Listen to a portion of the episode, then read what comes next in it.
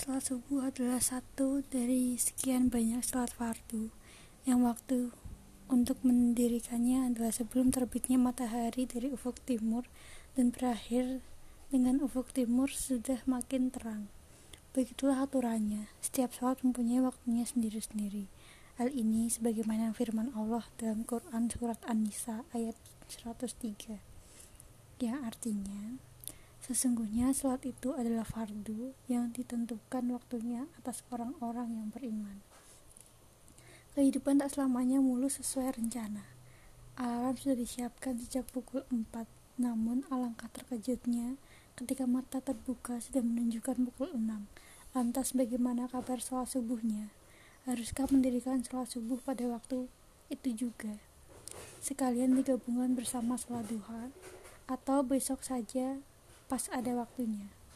Menurut jumhur ulama, ketika sholat wajib lalai dilakukan karena unsur ketidaksengajaan seperti tertidur atau lupa, maka wajib kodok ketika seseorang tersebut sadar dan ingat akan kewajiban tersebut.